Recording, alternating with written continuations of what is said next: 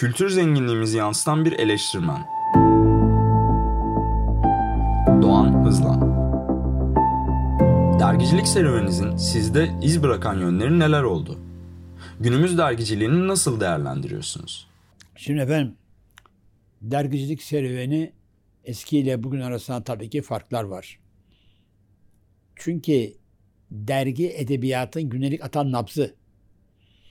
Bir şiir giriyor, bir yazı geliyor.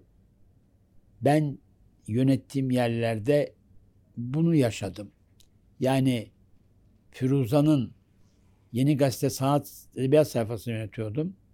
Firuza'nın yatılı, parasız yatılı hikayesini ilk ben yayınladım. Dergicilikte böyle bir şey var.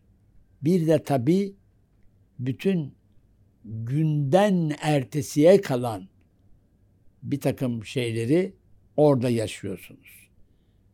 Yapılanlar, atılanlar arşivde, edebiyata o kadar önemli ki. Şimdi bu ev meselesi Yusuf Atlıgan'ın eviyle uğraşıyorum da köydeki işte onaracaklar bilen Geleceğde Belediye Başkanı. Oğlu Mehmet de bana bir link gönderdi. İnanın o linki unutmuşum. Yusuf Atılgan'la yaptığım bir televizyon konuşması.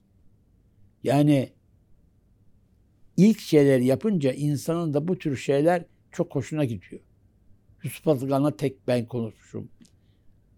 Efendim şeyle Oğuz Atay öyle, Cemal Süreyya öyle.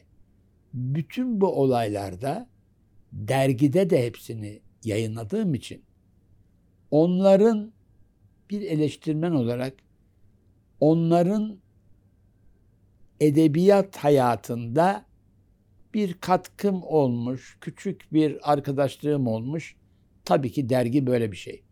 Şimdi popüler dergiler de var şeysi varıyor. Popüler dergiler belki edebiyatı yapıyor ama yalnız bazı hatalar oluyor. Yanlışlıklar oluyor. Bunlara dikkat etmek lazım. Bir yazı geldi bana Marquez'in veda mektubu diye. Marquez'in e, ajansını tanırdım. Carmen Brassel.